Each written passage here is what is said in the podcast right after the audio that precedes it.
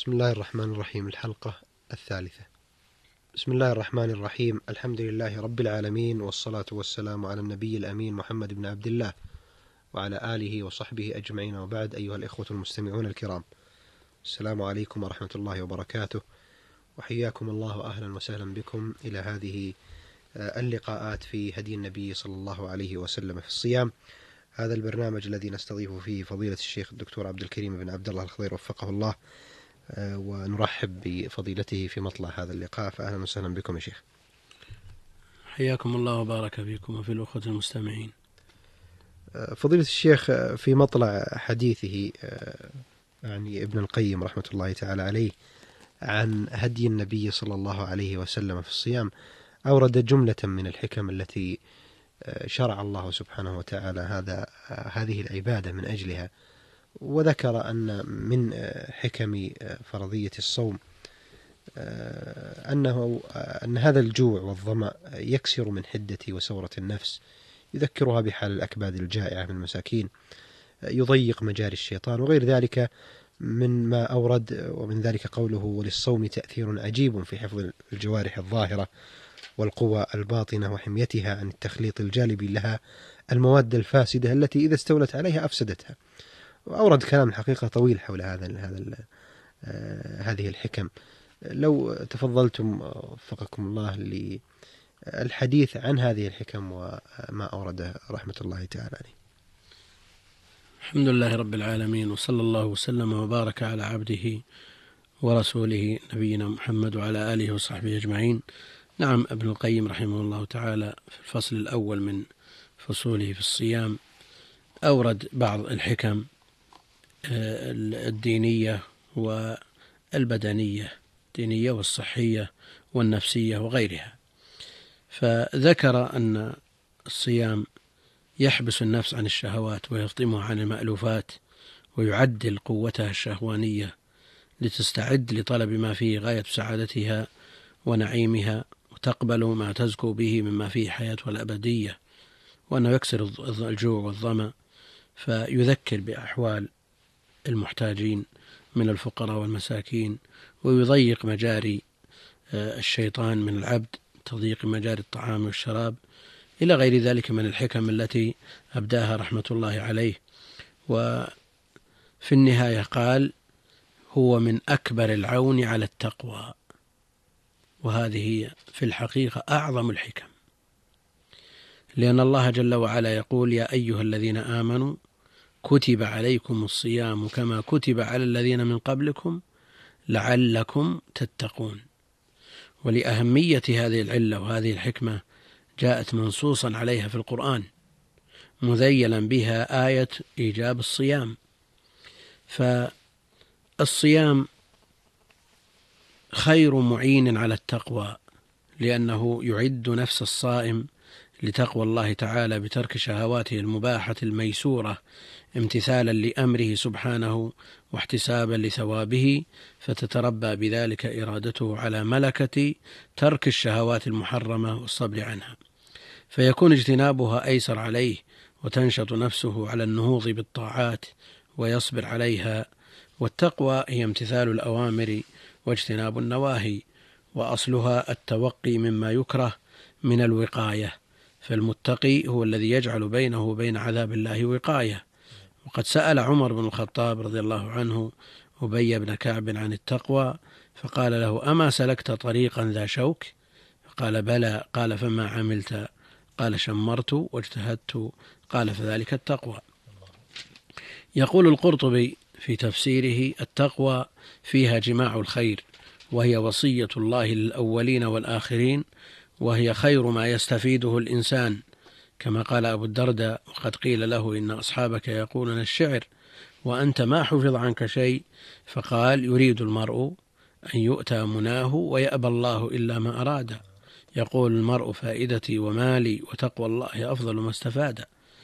وفي هذا إشارة إلى تصحيح القصد بهذه العبادة.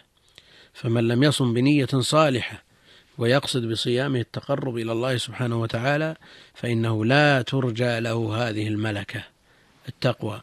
فليس الصيام في الإسلام من أجل تعذيب النفس بل لتربيتها وتزكيتها. والصيام أيضا ينمي لدى الصائم ملكة المراقبة فهو يمتنع عن ملاذ الدنيا وشهواتها وما يمنعه من ذلك سوى اطلاع الله تعالى عليه ومراقبته له. فلا جرم أنه يحصل له من تكرار هذه الملاحظة المصاحبة للعمل ملكة المراقبة لله تعالى والحياء منه سبحانه أن يراه حيث نهاه. وفي هذه المراقبة من كمال الإيمان بالله تعالى والاستغراق في تعظيمه وتقديسه أكبر معد للنفوس ومؤهل لها لضبط النفس ونزاهتها في الدنيا ولسعادتها في الآخرة. والمراقبة كما قال ابن القيم في مدارج السالكين دوام علم العبد وتيقنه باطلاع الحق سبحانه وتعالى على ظاهره وباطنه. المراقبة دوام علم العبد وتيقنه باطلاع الحق سبحانه وتعالى على ظاهره وباطنه. وهي ثمرة علمه بأن الله سبحانه وتعالى رقيب عليه ناظر إليه سامع لقوله وهو مطلع على عمله كل وقت وكل لحظة وكل نفس وكل طرفة عين والغافل عن هذا بمعزل. ومن أدلتها قوله تعالى واعلموا أن الله يعلم ما في أنفسكم فاحذروه وقال جل وعلا وكان الله على كل شيء رقيبا قال جل وعلا وهو معكم أينما كنتم وقال تعالى ألم يعلم بأن الله يرى وقال تعالى يعلم خائنة الأعين وما تخفي الصدور إلى غير ذلك من الآيات. وفي حديث جبريل عليه السلام أنه سأل النبي عليه الصلاة والسلام عن الإحسان فقال له أن تعبد الله كأنك تراه فإن لم تكن تراه فإنه يراك. والمراقبة كما قال ابن القيم هي التعبد لله جل وعلا بأسمائه الرقيب والحفيظ والعليم والسميع والبصير. فمن عقل هذه الأسماء وتعبد بمقتضاها حصلت له المراقبة. هذه فائدة معرفة الأسماء الحسنى.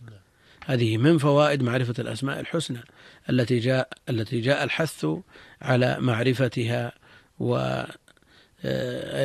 بمقتضياتها. جاء في الحديث الصحيح إن لله تعالى تسعة وتسعين اسما مئة إلا واحدة من أحصاها دخل الجنة. الإحصاء يا فضيلة الشيخ المقصود به هنا. المقصود نعم الإحصاء فهمها ومعرفتها ومعرفة ما تدل عليه والعمل بمقتضياتها. نعم. كما هنا الرقيب. وليس مجرد الحفظ. لا لا ما هو مجرد الحفظ والتكرار نعم. بعض الناس يحفظها 99 ويكررها وبعضهم نظمها يكرر هذا النظم يظن أنه يحصل على هذا الوعد. هو لا يحصل على هذا الوعد إلا إذا عمل بمقتضياتها. من حكم الصيام تطهير النفس وتهذيبها وتزكيتها من الأخلاق السيئة والصفات الذميمة كالأشر والبطر والبخل وتعويدها الأخلاق الكريمة كالصبر والحلم والجود والكرم ومجاهدة النفس بما يرضي الله ويقرب لديه. ومن ذلك أنه يعرف العبد نفسه وحاجته وضعفه وفقره لربه ويذكره بعظيم نعم الله عليه ويذكره أيضا بحاجة إخوانه الفقراء فيوجب له ذلك شكر الله سبحانه والاستعانة بنعمه على طاعته ومواساة إخوانه الفقراء والإحسان إليهم. فإنه عندما يجوع يتذكر من لا يجد قوتا فيحمله التذكر على الرأفة والرحمة الداعيتين إلى البذل والصدقة. وقد وصف الله جل وعلا نبيه عليه الصلاة والسلام بأنه رؤوف رحيم ويرتضي لعباده المؤمنين ما ارتضاه لنبيه عليه الصلاة والسلام. ولذلك أمرهم بالتأسي به ووصفهم بقوله رحماء بينهم. وكان عليه الصلاة والسلام أجود الناس وكان أجود ما يكون في رمضان كما جاء في الحديث الصحيح. من فوائده التذكير بعدل الله عز وجل ومساواته بين خلقه حيث جعل هذا الركن فرضا على جميع المسلمين غنيهم وفقيرهم ملوكهم وسوقتهم وبذلك يتذكر الملوك العدل الذي فرض عليهم إقامته بين رعاياهم. ومن ذلكم أنه وجاء للصائم ووسيلة لطهارته وعفافه وما ذاك إلا لأن الشيطان يجري من ابن آدم مجرى الدم والصوم يضيق تلك المجاري ويذكر بالله وعظمته فيضعف سلطان الشهوة ويقوى سلطان الإيمان ولذلك وجه من لا يجد القدرة على النكاح إلى الصيام. فقال عليه الصلاة والسلام يا معشر الشباب من استطاع منكم الباءة فليتزوج فإنه أغض للبصر وأحسن للفرج ومن لم يستطع فعليه بالصوم فإنه له وجاء الصيام له فوائد صحية يقضي على المواد الراسبة في البدن لا سيما أبدان المترفين وللنهم في الأكل قليل العمل فإنه يطهر البدن من الأخلاط الرديئة ويذيب الشحوم أو يحول دون كثرتها بالجوف وهي شديدة الخطر على القلب. واعترف بذلك الكثير من الأطباء وعالجوا به كثيرا من الأمراض. وأما ما يروى عن عائشة رضي الله عنها مرفوعا صوموا تصحوا. رواه ابن السني وأبو نعيم في الطب لكنه حديث ضعيف لا يثبت عنه عليه الصلاة والسلام وإن كان معناه صحيحا. نعم من فوائد الصيام الصحة حفظ الصحة.